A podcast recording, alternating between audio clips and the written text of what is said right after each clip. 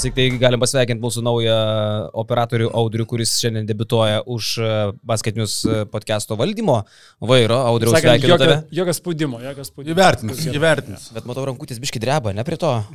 Pulto minimaliai. Nieko atlaikysis. Leko nėra ten boso pozicijai. O. Paskutinius du podcastus Lekas ten įsidrėbė, sėdėjo, prižiūrėjo tvarką. Jo.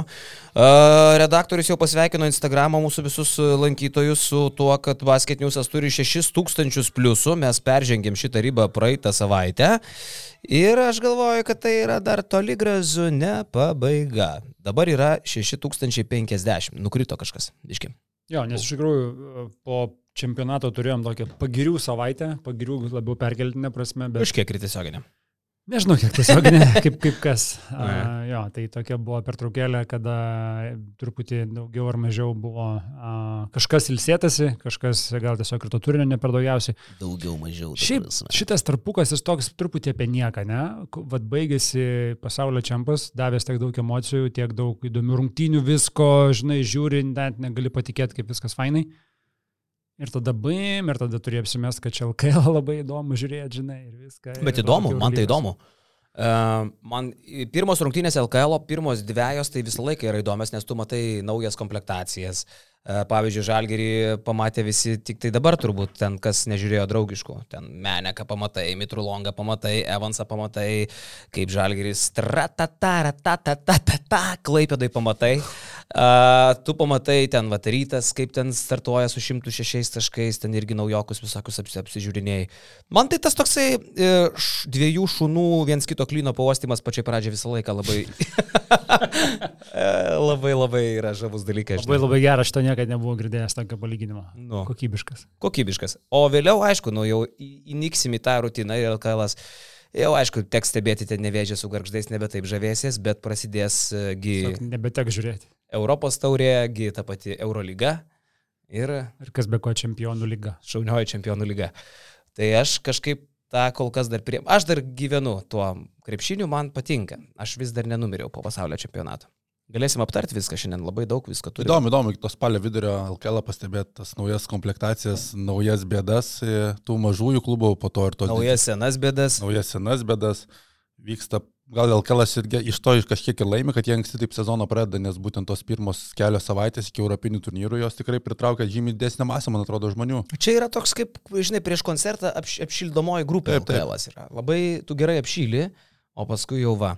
Hebra, bet rimtai aš taip pažiūrėjau, net, net truputėlį nugriuvau, nes dvi savaitės lieka iki Europos taurės ir iki Eurolygos. Spalio trečią Vulsai važiuoja į Paryžių su seksualiuoju tuomu į salo prieš akį, Parys komanda jau žais su Vulsais. E, Lietkabelis spalio ketvirtą, tai su Podgoricos Būdičinos jau žaidžia ir Žalgiriukas spalio penktą su Asveliu, visos trys. Visos vėlių.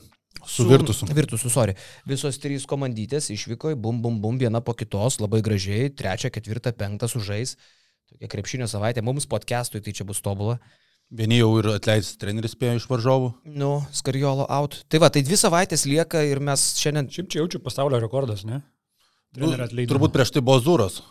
Bet Zuras Žalgri buvo po vienu Eurolygos rungtynių. Jo. Jis bent jau gavo tą šanciuką vieną kartą suvadovauti. O čia net nesu. Ir dar jis LKL prieš tai irgi kažkiek dirbo, kelis grajus Zuras. O čia Skarijola net nesulaukė oficialių rungtynių. O Zurosas treniruoja dabar kažką šiaip jau. Į Sakartvelo rinkinį dabar jau nebetreniruoja. Po, po čempionato paliosavo. Tai vėl dabar siūlys visiems iš eilės. Turbūt. Siūs, Turbūt. siūs civekus visiems klubams. LKL. Pradės nuo Lietuvos. Vuls. Wolves. Galbūt. Nu. Galbūt panevežys. Ką tave šokiravo skariolo atleidimas, biškim? Ai, Aš tai tiesiog sakau, kad, kad ir koks tu geras būtum specialistas, jokiam darbė tau nepadeda niekada arogancija. Tai man atrodo, kad Skariolo čia šitas ir buvo atleidimas dėl pačios jo arogancijos ir galvojimo, koks esu geras, nesvarbu, kur bebūčiau, aš esu teisiausias. Tai, Ne, bet kokia ten arogancija? Žmogus pasakė tiesą. ne, tai mes girdėjom tik vieną. komplektacija katastrofinė yra. Bet ten visokių kalbų yra. Sako, kad net ir dar vasarą uh, Skariolo sutiko, kad klubas kažkiek susimažins savo išlaidas, biudžetą, bet sutarė su vadovais, kad yra trys žaidėjai, kurie, kurie turėtų likti komandai. Ir vadovai sutarė su tuo, sutiko ir nepraėjus ten kuriam laikui žiūri, jau pradavinėja tuos žaidėjus. Ten turbūt ir iš abiejų pusių yra tas dalykas, bet kai tu bū dar sezono einant, dar sezono vykstant, pradedi pokalbius su Realu, pradedi pokalbius su Toronto Raptors, tu esi vis dėlto Eurolygos organizacija. Jis tikino, kad nekalbėjo. Jis spaudos konferencijai po sezono tikino, kad nekalbėjo, kad čia buvo spaudos plėtkai. Tada kai pagirė Donsė ir sakė, kad visi kiti va čia rašo šūdus. O žodžiu, labai blogai, kad yra mažai tokių žmonių kaip Važnarovskis ir Doncė, nes jie nerašo nesąmonę. Ir mes neturim pagrindo netikėti, gal žmogus tiesą ir kalbėjo. Tai tų gandų visokių būna nesąmoningų. Nes tikrai būna nesąmoningų gandų, jo, tai čia, tai čia nežinia, kiek tai buvo realu. Bet pats Zaneti, tas prezidentas pasakė, tai čia dabar reikia remtis, kas sako, kas meluoja. Nes... Ai, nesigilinam ten, žinai, nu, ar mes dabar žinosim, kas už uždarų durų tai teisybė šnekėjo. Nu, bet aš sakau tik tais pavyzdys, kad, nu, bet kokiu atveju nėra čia vienos teisingos pusės, bet man atrodo ir tas Skariolos savęs vedimas, nu visą karjerą jis nebuvo ten pats paprasčiausias treneris, tos, tos arogancijos ten irgi netrūksta. Nu, bet už tai yra ir gera pusė. Luka Bankip gauna gerą darbą, treniruos Eurolygos klubą, pamatysim, kokios čia sportinės formos treneriukas yra, nes, žinai, vieną gerai varyti čempionatuose su rinktinės Kariolo irgi ten kiek keturis kartų Europos čempionas. Ar tris? Nu, daug. daug. Bet jeigu su Kariolo dar... O su klubu nieko niekada nepeša. Jeigu dar labai trumpai čia su Kariolo, tai vad pratęsant ir tą pačią mintį, ar pakartojant tai, ką Gintras Krapikas šią vasarą pasakė per mūsų laivą, kad tiesiog tam tikri treneriai turi būti tam tikrame lygyje ir jiem yra, tarkim, geram treneriui yra sunku dirbti su prastesnė komanda, lygiai taip pat akivaizdu, kaip prastam treneriui būtų sunku su gera komanda dirbti. Tai Skariol, aš nežinau, jis turbūt vis dar nėra įrodęs, kad jisai gali vairuoti paprastesnį automobilį. Jam reikia Ferrari, jam reikia tos Ispanijos rinktinės, jam reikia topinės, topinės komandos, O ne, vad kažkokios tai labiau biudžetinės ar... Nu, bet pernai tai nebuvo Ferraris Ispanijos rinktinė. Jo, jo, būtent. Nu, jis trumpų distancijų toksai kel, keliautojas yra. Gal sakyčiau, jo, su klubais nėra kažko labai jau tokio įrodęs. Gal psichologas geras, vėl nežinau.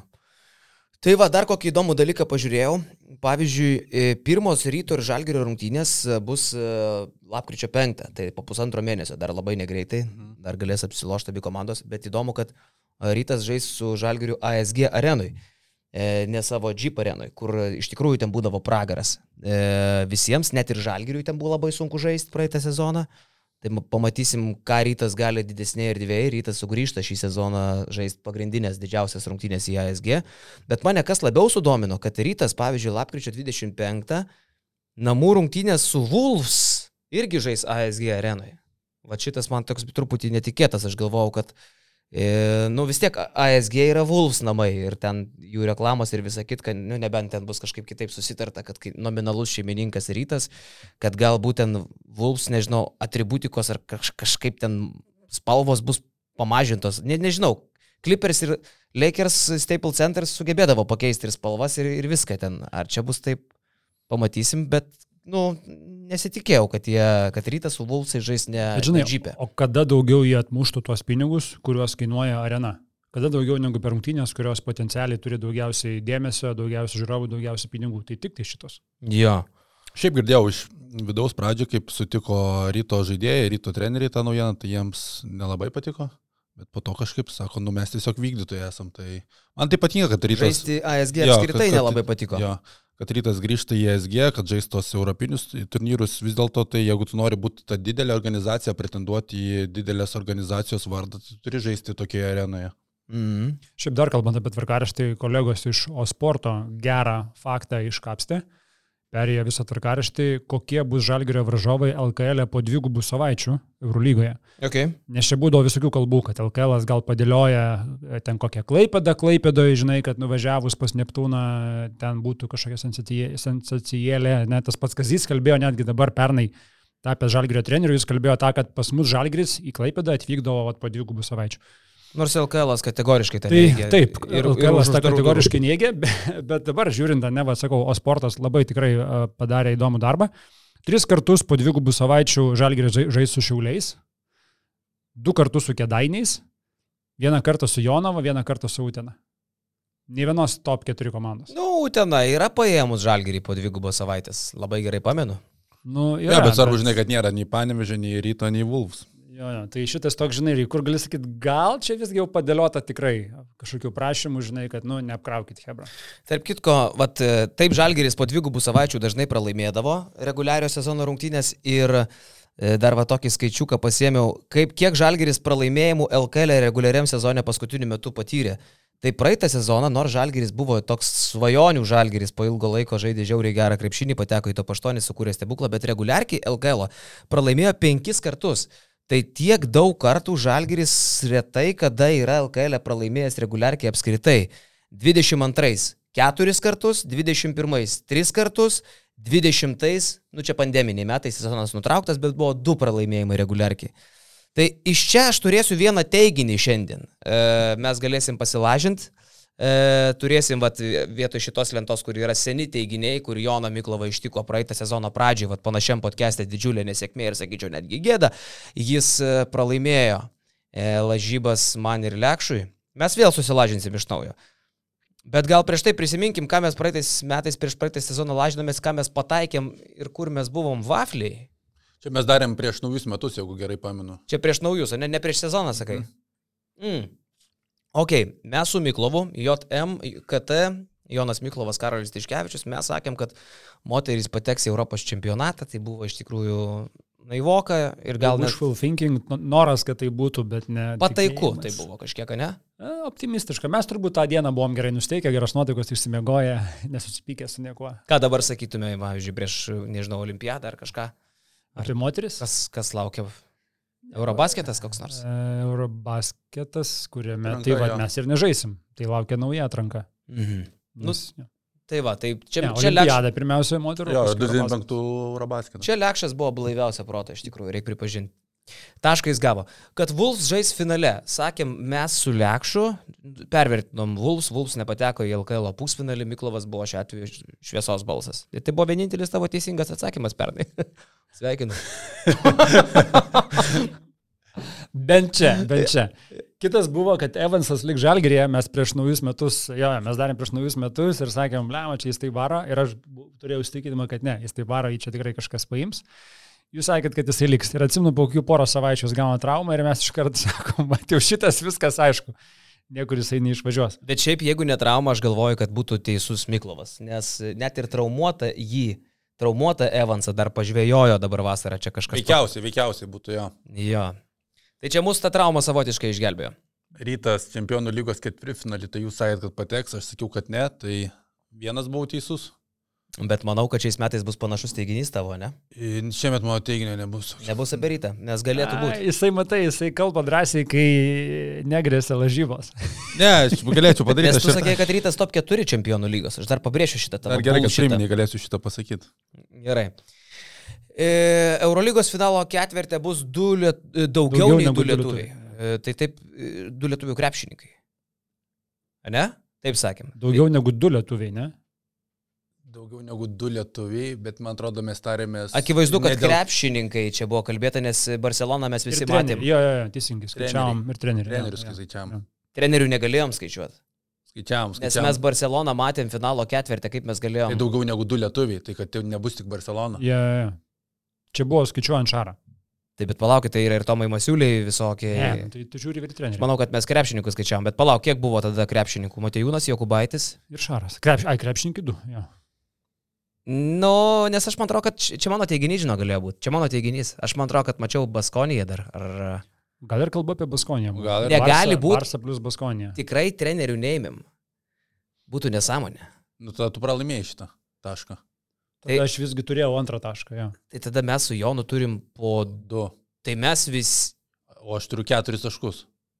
Jo, tai mes su Jonu pralašėm tada. Ir kad buzelis Lietuvos stovykloje bus, aš vienintelis sakiau, ne, jūs sakė taip, tai aš buvau teisus, bet tada, nu taip ir išeina. Aš, aš turiu. Tu turi tris, aš turiu du. Aš turiu tris taškus. Ne, aš turiu ne, du. Jis turi irgi du. Žiūrėk, mano yra.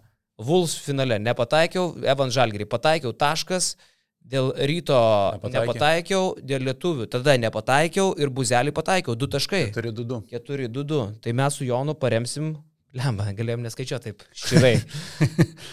Kažką paremsim. Išsišaipiau už tai. Paremsim kokią nors e, organizaciją. Pavyzdžiui, žinai, ką galim paremti? Raudoną kryžių dabar remia 15 eurų per mėnesį. Aš uh, savanoriau Raudonam kryžiui. Jo. Porą metų. Jo. Mhm.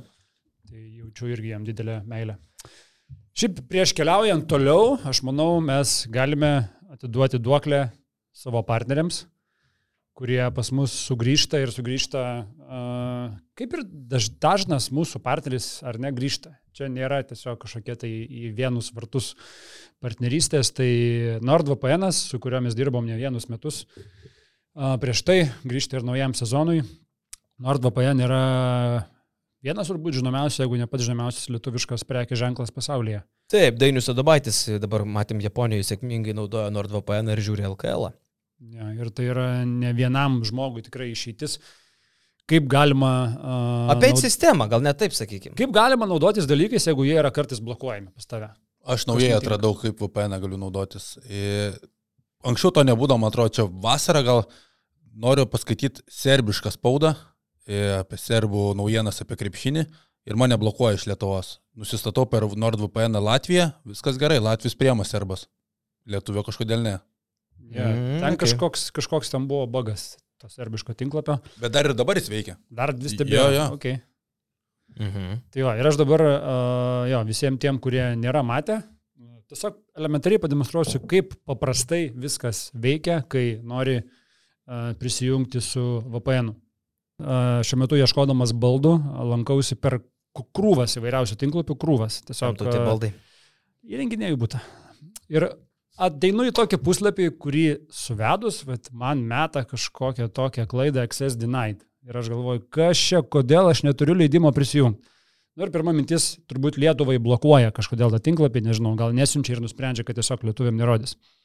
Tada įsijungiu aš savo NordVPN, žemėlapiukė šiame gražiame, pavyzdžiui, paspaudžiu Ispaniją. Kad... Žiūrėk, prijungia Džordžią, ok, prijungia Džordžią, Gruziją, pažiūrim, ar prisijungus prie Gruzijos Sakartvelo. Štai, Sakartvelui tą patį tinklapį rodo, kurio ką tik nerodė lietuviškas. Mhm. Tai jo, šiuo, šiuo atveju NordVPN man parinko, nežinau, gal draugiškesnę valstybę Lietuvai, e, artimesnę, bet iš esmės kaip viskas paprastai, graži programėlė spaudė ant šalies, kurios nori, uh, ir tu paprastai atsiduri ne va toje šalyje Čia... ir tau atsidaro tinklapiai, kurie kažkodėl kitu atveju neatsidaro. Čia va tas aktualu ir Dainijo Domaičiai, kur sėdi Japonijoje ir visiems, kurie galbūt keliauja ir nori tą patį LKL pasižiūrėti ir negali lietu, su lietuviškais komentatoriais ten kokią nors GO3 žiūrėti ar, ar dar kažko tai, per kur transliuoja.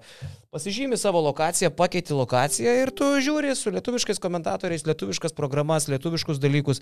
Ar nebūtinai lietuviškus, gal norit matyti kažkur tai, kas transliuojama tik tai ispanam, tik tai italam, tik tai vokiečiam. Tai ne vien apie krepšinį, tai kalba ir apie NBA, ir apie kitas lygas, ir sporto šakas, ir ką tik nori, pigesni lėktuvų bilietai, pigesnės populiarios platformos, tokios kaip YouTube Premium ir taip toliau, visokie prenumeratos klausimai sprendžiami su NordVPN. U. Ant šešių įrenginių gali naudoti, lietuviškas produktas, greičiausias NordVPN pasaulyje. Nėra čia ką labai mąstyti. Su mūsų nuoroda nordvpn.com pasviras brūkšnelis basket news jūs gaunat mėnesinę paslaugos kainą, nebrangesnė nei, kaip jie sako, kavos podelis. Nors, aišku, man iš karto klausimas, kur ta kava pirkinės. Aš žinau kartais tokių kabinių, kur jo, jo, oho, žinai, kiek kainuoja ta pati kava. E, 30 dienų gražinimo garantija, jeigu nepatenkinti paslaugom, koliojatės, galite paskambinti ir sakyti, labą vakarą, čia trukdo jūs iš e, Petručio 8, pas mus internetas vėl dingo, statau tūkstančius top sporte, ją negaliu supranti žiūrėti to. Dabar taip aš jūs perspėju, nenoriu nei keiktis, nei keiktis, nes už perspėju. Jeigu nesusitvarko ten Slav, internetu, aš pažadu, atsakau, na, už savo... Aš, oi, na, ką turėjau, nu nesvarbu, bet pagavot mintį. Aš galvoju, tu taip puikiai dirbi, kad audriui nereiktų, žinai, papildomai paskui post-production'e, pats save užsijūdai. jo, jo, jo, nu vis tiek. Aš moku šitą mintinai. Ta prasme, aš, aš nemokėjau mokykloje eilėraščių, bet šitą moku. Tai vad NordVPN e, lygiai taip pat, jeigu nepatenkinti, per 30 dienų jums sugražins uh, pinigus. Uh, su mūsų nuoroda basketinius, uh, NordVPN slešas. Kas yra audriau? Ai, matai, jisai labiau žiūri į tą. Ne, čia neprileko. Jo, lekas būdavo dėjęs. Tai su nuoroda nordvpn.com slash basketnius keturi mėnesiai papildomai prie dviejų metų plano. Ir plus labai pigų viskas yra. Ir greita. Ir lietuviška. Ir žalgiurio remėjas. Teisingai. Vien laimėjimai. jo. Ir Eurolyga uh, patenkinta. Ir visi patenkinti. Taip?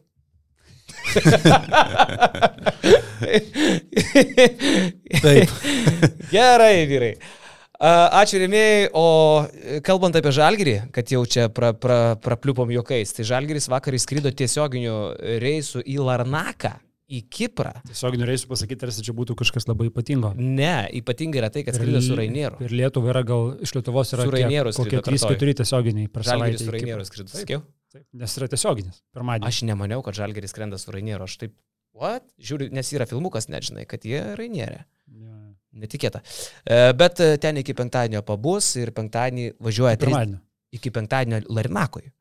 Tada važiuoja 37 kilus į Nikosiją ir Nikosijoje sužaidžia su 21.30 ir Kipro ir Lietuvos laiku, bendra laiko juosta, su Pirėjo Olimpijakos ekipa iš Graikijos. Ir šeštadienį laukia dvikova su Cervena Zvezda, man atrodo, kad aštuntą gal laikų Lietuvos, nesvarbu. Tai čia bus pats rimčiausias testas, nes įskrido ir Ignas Brasdeikis, ir Rolandas uh, iš serviso, ir, ir, ir, ir, ir Tomas Dimša, visa mūsų pagrindinė Hebra jau yra ten. Neskrido tik tai Montvila ir Butka, tas jaunimas, kurie liko jau prie dublerių pasijungę. Bet testas rimtas todėl, kad Pirėjo Olimpijakos ir Zviesda jau irgi bus normalių sudėčių, nes, pavyzdžiui, dabar Olimpijakos žaidė dviejas draugiškas po tris kėlinius, aš esu apakęs, kad taip dar kažkas daro, nafik negali sužaisti to ketvirto kėlinio, po tris kėlinius su Milanu. Tai ten dar buvo sanitarinė ir Oli sudėtis, daug pagrindinių trūko. O dabar jau žais visi ir pas juos, ir Zviesdoje, nu beveik visi turbūt ten gal kažko dar neskelbė. Nežais tik su Makabi. Šiaip labai keistas turnyras, nes Makabis yra tame turnyre, bet visos komandos sužaidžia po dviejas rungtynės. Tai kitaip sakant, turnyro nugalėtojo nebus, nes visi su visais kaip ir nesužais. Nu, tipo, toksai, va, apšilimas. Bet jau aišku rimta, nes, pavyzdžiui, Zviesda, Maka, nu gerai, Zviesda, Olimpijakos, Žalgiris ir tas pats Makabis, mano manimu, visos šitos keturios komandos, jeigu aš dabar dėlioju, o aš dėlioju Eurolygos top 8, jos yra mano Eurolygos top 8. Tai tikrai, nu, solid turnyrius. Parodys, parodys, parodys daug dalykų, nes čia dabar tu negali viskas atrodyti, gali labai gražiai, kai tu pasižiūri tą sezono startą, 50 taškų laimi, laimi atidarimo rungtynės, bet ten jų vertinti nelabai reikia, šiaip tik tais pasidomėjau, kokios eina nuotaikos iš tų pačių treniruočių, iš ko tai labai gerai atsiliepimą apie Mitrų Longą, vien ne tiek dėl jo gebėjimų, jo gebėjimus mes ir anksčiau žinom, bet kiek jisai yra vokalus treniruotėse, kiek tai turėtų palengvinti patį gyvenimą ir Ignui Brasdeikiu, jie yra geri draugai iš Kanados e, su Mitrulongu tarpusavėje, tai jau vien čia yra jo pliusas.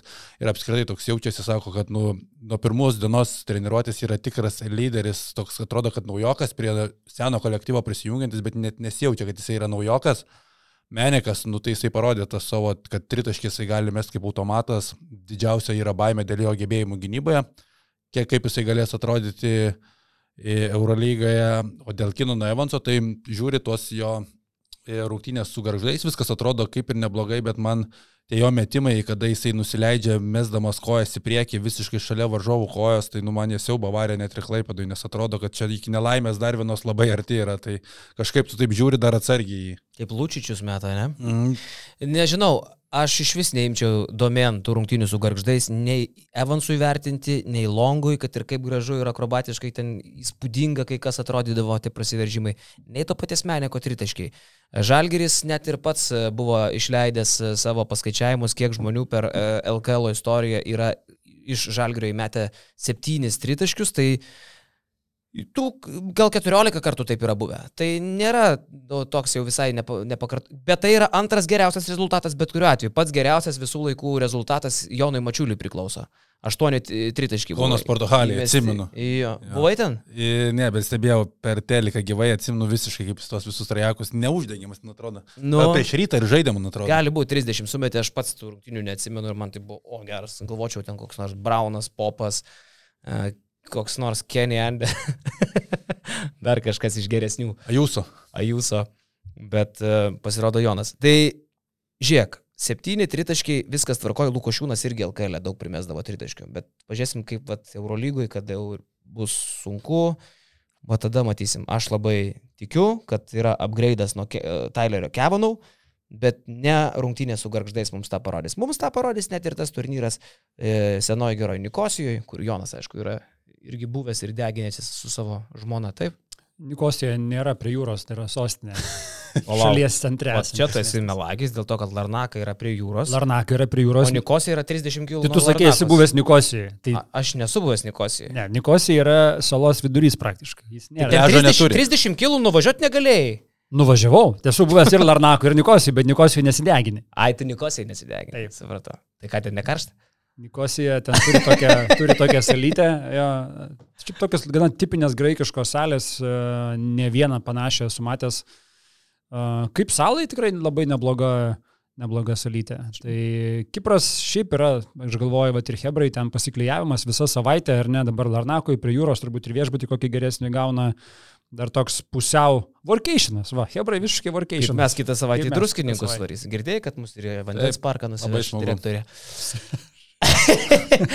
Klausyk, o nėra Kipras gėjų sostinė Europos? Ar ne Kipras? A, Nesu tikras. Nesu tikras. Ar Latvija? Ne, nemanau, kad Kipras. Nu, nesvarbu. Tai, žodžiu, geras laikas ten laukia, laukia Žalgiriuko, geras turnyras. Tikrai daug ką sužinosim apie komandą. Bus labai įdomu. O vat grįžtant prie to paties LKL, nu, kažkaip, nežinau, keista buvo, aišku, žiūrėti tokius garždus, bet man tai tikrai, kad ne šitos rungtynės buvo įdomiausios, man gal vis dėlto turo rungtynės tokios pačios kečiausias, tai buvo Vulsai su Šiauliais. Tai buvo įdomu pažiūrėti į tą Tik patį laipėdai, sakyčiau. Tomašą Pavelką. Pavelka. O tau, aišku, Neptūnas su Lietkabeliu. Jo, ne? man kažkaip tos mačas ir, nu, kaip ir tikėjausi, kaip ir tau sakiau praeitą savaitę, kad manau, kad Lietkabelis gaus tą pirmą mačą, tai taip ir buvo. Nu taip. Bet e, vėl labai įdomu, kiek ilgai, pavyzdžiui, Neptūnas taip gali varyti, nes e, tas pats Gi- Giksas, ne? Gipsas. Gipsas. B.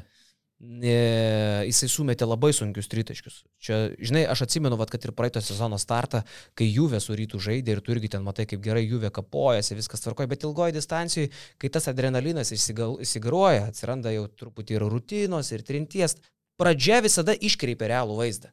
Paskui dinksta šiek tiek to tokio tik adrenalinų varomo krepšinio. Nu kiek tas gipsas sumes Ne, tai... iš 7 metrų Ne, šį sezoną? faktas, kad tų septynių tritaškių iš devynių turbūt, ką žinai, ar dar bus šį sezoną, bet e, Neptūnas jie laimėjo be Sargiūno. Sargiūnas čia bus vienas kertinių iš tos komandos žaidėjų. Nuliet kabelis be trenerio žaidė. Tai jie dar kurį laiką žais be trenerio. Tai, žinai, o Sargiūnas grįžtų už dviejų savaičių.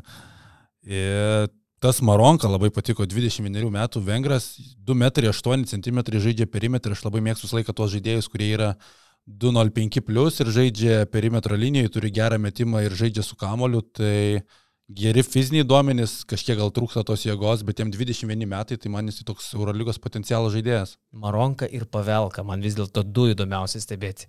Pavelka praeitoj laidoje sakiau, dabar ir Maronka. Ten buvo Pavelka, Maronkos blokas, ne? Mhm.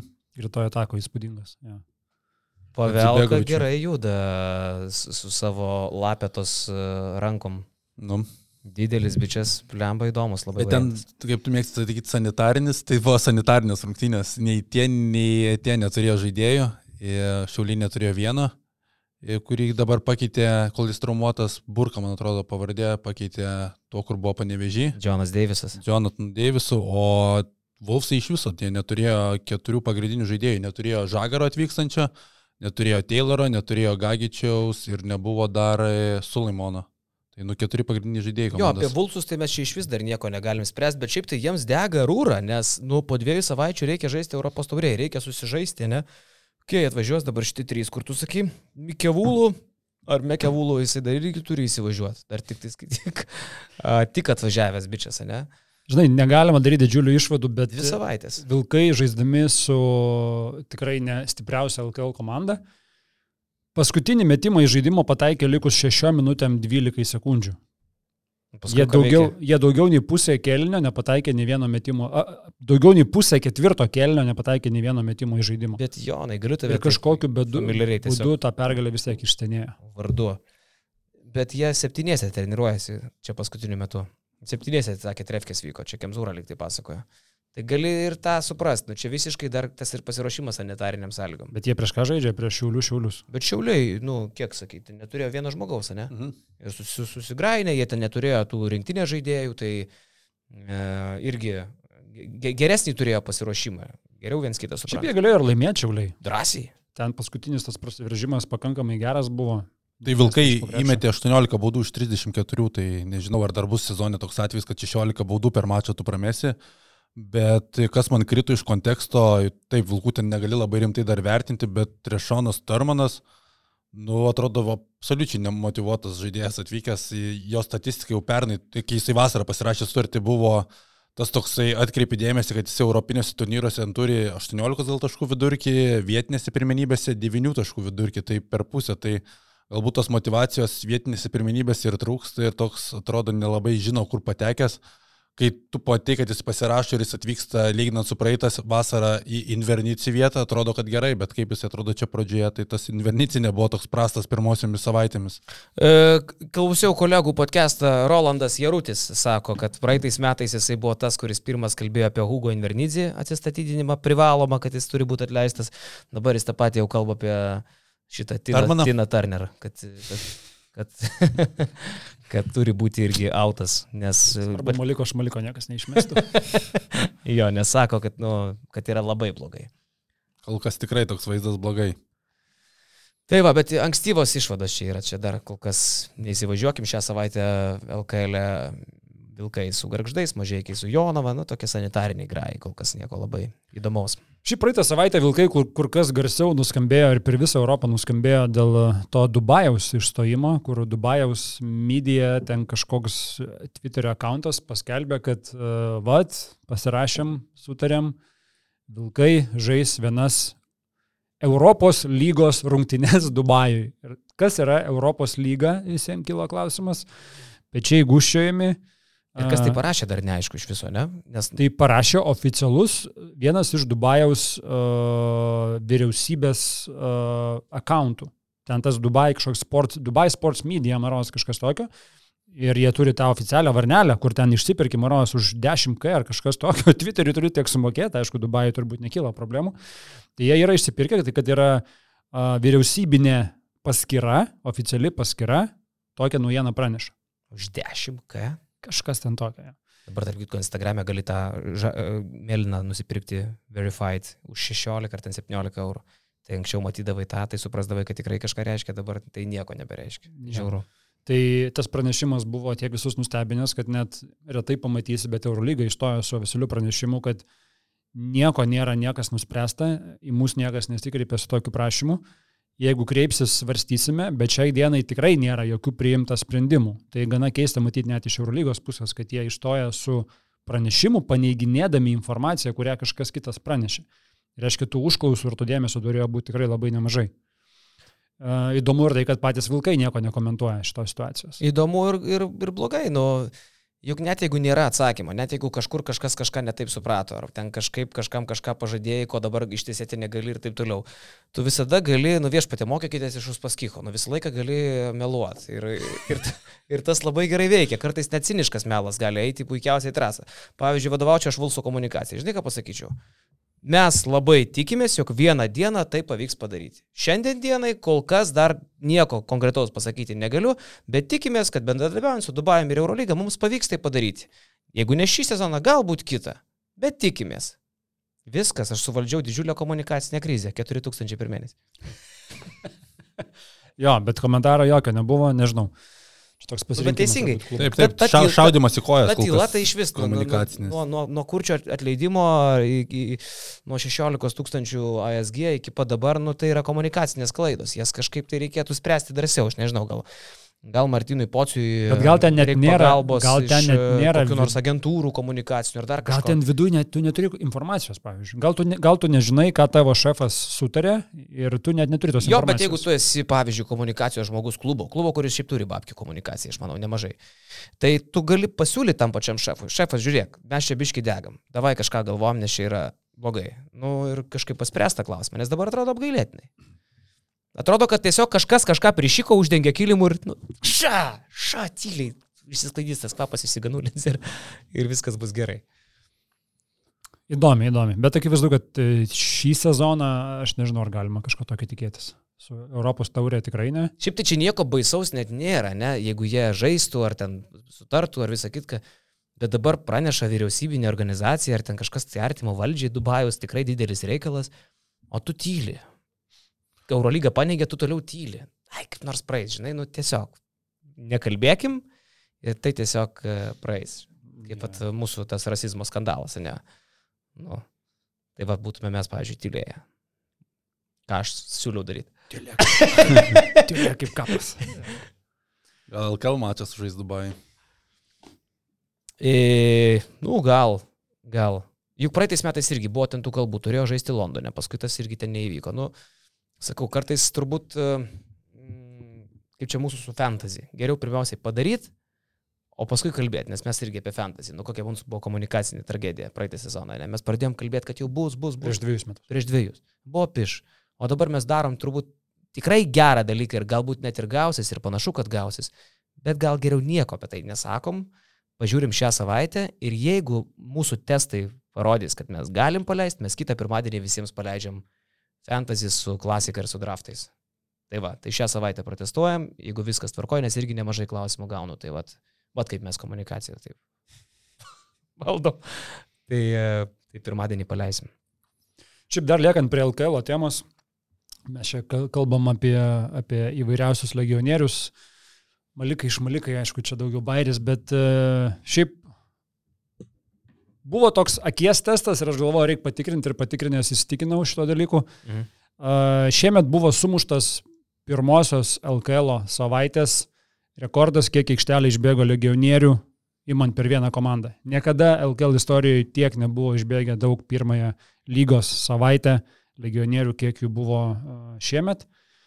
Iš viso pasirodė aikštelė 49 legionieriai pirmąją savaitę, dalinant ant 12 komandų, tai yra 4,1 legionieriaus beveik Oho. per komandą. A, Tik vienas atvejis per lygos istoriją buvo, kada tas skaičius siekia 4, lygiai 4 buvo 2017-2018 metų sezone, kai buvo 10 komandų ir 40 išbėgo legionierių. Čia pirmą savaitę. Pirmą savaitę, jo, aš žinai, aš neimu ten, kas yra viso sezono, bet iš esmės, kiek išbėga pirmą savaitę, iki tol tas skaičius, pavyzdžiui, net 2021 sezone, kad suprasti, kiek stipriai pasikeitė, pirmąją savaitę buvo 2,6 legionieriaus per komandą, tai pusantro legionieriaus daugiau per trejus metus. Ir tas skaičius, bet nuo 20 metų taip stabiliai, stabiliai, stabiliai kylantis. Man šitas kažkiek, aš nežinau, ar čia gali daryti išvadą, bet man tai peršasi su tuo, kad yra 12 komandų LKL ir aš nebrieščiau ribos, kad tas 4-1, kuris yra šiemet, kad jisai bus rekordas ilgą laiką. Nes lietuvių nėra. Nes lietuvių nėra, lietuvių nėra ir Gerų lietuvių neužtenka. Nu, yra vienas panevežį, bet jo neišleido. Čia dar kita istorija. Bandžiau laimėti rungtynės, galbūt galėjau jį išleisti, bet nesijaučiau užtikrintas. Štelmacheris nesupranta, kad jisai ką tik savo šovė dar labiau Nesuprantu, koją. kur pateko, man atrodo. Nes e, be to, ką jis dabar čia gauna heitą ir taip toliau, čia yra vienas dalykas, bet neleisdamas Lelevičius, tu netrukus e, sulauksi Pauliaus Jankūno skambučio. Uh, Привет, Роберт, как дела? Uh, слыш, слыш, слыш, слышишь меня? Tu praktiškai Какой-то su latvišku ry- akcentu Ryšys, jįbanuca. nu, Žalgiris pradės spausti lietkabelį, nes uh, Žalgiris skolina Le- Lelevičių lietkabeliui tam, kad jis žaistų. Ir čia, žinai, kaip Šileris irgi atsimeni. Neleido, neleido Blaževičiaus, leisiu, leisiu, leisiu, leisiu. Ir ta diena taip ir niekada neatėjo. Nieko tu neleisi. Jeigu tu dabar neleidi, tu neleisi. Tai arba tu leidi, arba neleidi. Jeigu neleidi, tai viso gero. Ir aš manau, kad Žalgirio spaudimo lietkabelis net laikys labai Labai greitai. Macheris galėtų įsivedęs būti Jankūno numerį. Nekelti. Alkūnės tai turėtų atsiminti, tai gerai nu, irgi. nu, nu, nu. Jau jeigu Jankis skambina, o Jo, tai čia, nu, manau, kad aš tai duodu, aš duodu Štelmacheriui pusantro mėnesį. sakai, Europos turė sulauks dar. Nu, tipo. Žiūrėsim, žiūrėsim, nes šiaip neįkvėpė- neįkvėpinti pradžia. Čia Su- bus Štalbergas. Su, su, Štalbergas. su, Niku. Stukniu, su Niku Stukniu lygina Lelevičių, tai nu akivaizdžiai nelabai supranta, kur, at, kur atvyko. Tai gal nežiūrėjo lietuviško krepšinio kurį laiką. Nu, tai va ir apskritai, tu matai, kad komandų yra dešimt gal lietuvių ir tu turi užsienėti trenerių, vien jau šitą man filosofija nelabai patinka. Jeigu tu lietuviško komandą būri, tai man atrodo reikia ir lietuvio specialisto, kuris geriausiai žino tų, tų žaidėjų stiprybės. Aišku, Lietkabelio sudėti tiek daug vienodo pajėgumo ar panašaus pajėgumo žaidėjų, kad jiems tikrai 12 nepasirodys aikštelė ir 11. Tokių rotacijų nebūna. Nu, čia nu, būna, bet neilgoji distancija. Vis tiek treneriai pasirenka dažnai ten 8, 9, nu 10 žmonių, su kuriais lošia tą dieną, ne? Čia iš pirmų rungtinių dar ankstyvų išvadų nedaryt, bet ne, netraukdamas Lelevičiaus, tu tikrai pakeli ir žalgrio antakius, kur blemba, kas, kas ne, Lelevičius nelošė. Pasuktų jam. nu vis tiek pakeli antakį žalgirio. Tau dabar mažiausiai reikia žalgirio antakius kelt, turint omeny tavo situaciją šiuo metu. Mhm. Na. Jo labiau LKL, žinai, ne Europos tauriai, o Taip. LKL. Kur mes baigiam? Ai, turėtų legionierė.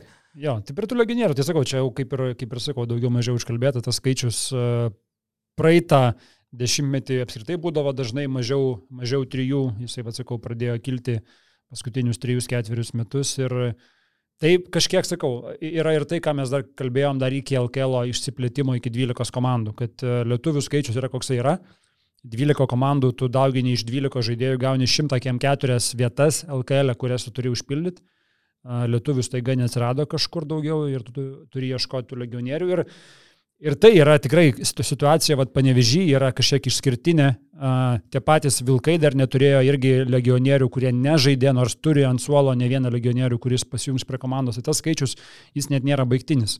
Ir tikrai, aš sakau, nelyginau visą sezoną, bet gal net ir imant visą sezoną, kiek legionierių bus, jisai galbūt ne, bus dar aukštesnis, nes anksčiau, atsiminkim, 7 metai, 8 metai mes kalbėdavom apie visokius, visokias dzukijas, ne, kur ten tų legionierių veždavosi ir veždavosi ir veždavosi.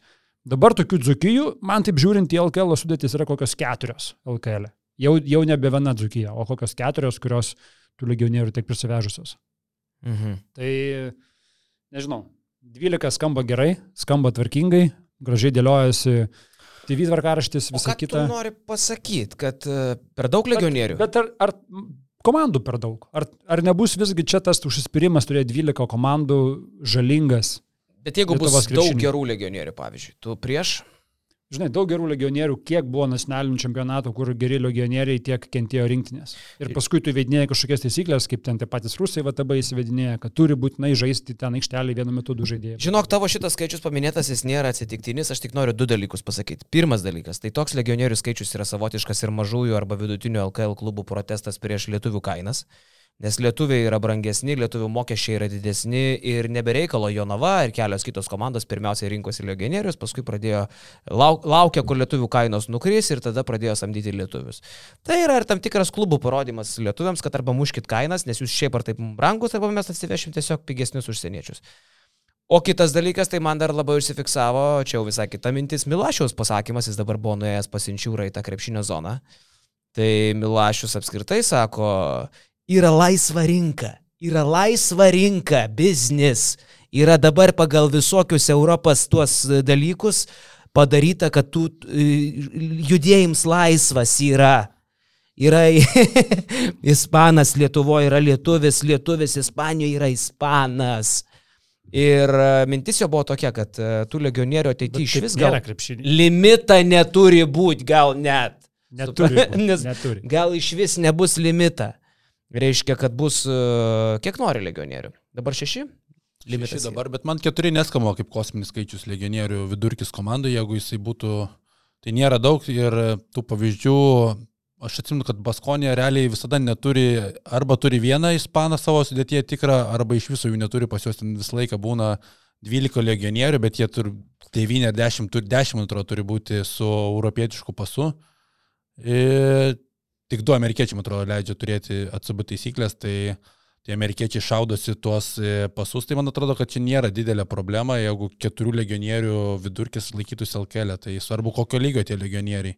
Nes dabar irgi atsiverčiau Baskonį sudėti, tai 11 užsieniečių, vienintelis Danielis Diezas yra ispanas. Taip, bet Baskonė, kaip ir sakai, ne visada buvo tokia jungtinių tautų komanda. Ten tų ispanų, nes vėl, gal tai yra baskų kraštas, gal jie prieš ispanus, jie net nesijaučia kažkokia labai ispaniška komanda. Visą laiką Latvijas tą lietuvių turi. Ja, Jo, tai dar pagalvok, Lietkabelis, kokia lietuviška komanda, pats lietuviškiausias visų laikų Lietkabelis, tai čia dar tas skaičius labai gražus yra. Nu, žodžiu, e, smulkmė, gal pereinam prie linksmiausios laidos dalies. Mūsų teiginiai, kur...